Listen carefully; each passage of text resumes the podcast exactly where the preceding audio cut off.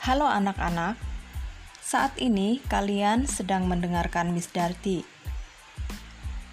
Pada kesempatan ini kita akan belajar mengenai keluarga pemberian Allah yang Miss Darty kutip dari buku Pendidikan Agama Kristen kelas 2 penerbit oleh PPK Penabur Jakarta dan telah saya sederhanakan. Pelajaran kali ini diambil dari sudut pandang kitab Lukas pasal 9 ayat 37 sampai 43a yang mengisahkan seorang ayah yang memohon kepada Yesus untuk kesembuhan anaknya.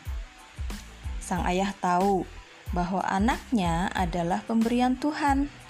Oleh sebab itu, ia pun memohon kesembuhan anaknya kepada Tuhan.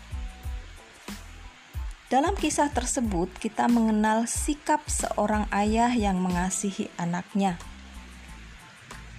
Dari sikap sang ayah pula, kita mengenal kasih Allah melalui keluarga.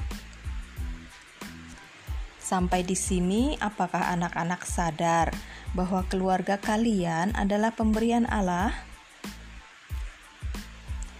Pertolongan yang Tuhan berikan terhadap anak dan bapaknya adalah bentuk pemeliharaan Allah bagi keluarga tersebut.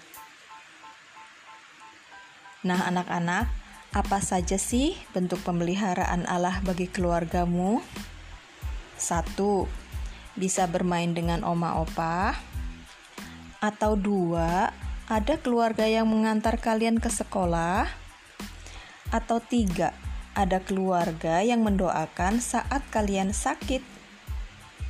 Nah, anak-anak, untuk diingat bahwa keluarga merupakan pemberian Allah. Sekali lagi, melalui keluarga, kita juga dapat merasakan kasih Allah. Kita juga dapat menunjukkan kasih Allah kepada anggota keluarga lain dengan cara mengasihi mereka. Mari kita berdoa. Terima kasih Tuhan Yesus untuk keluargaku.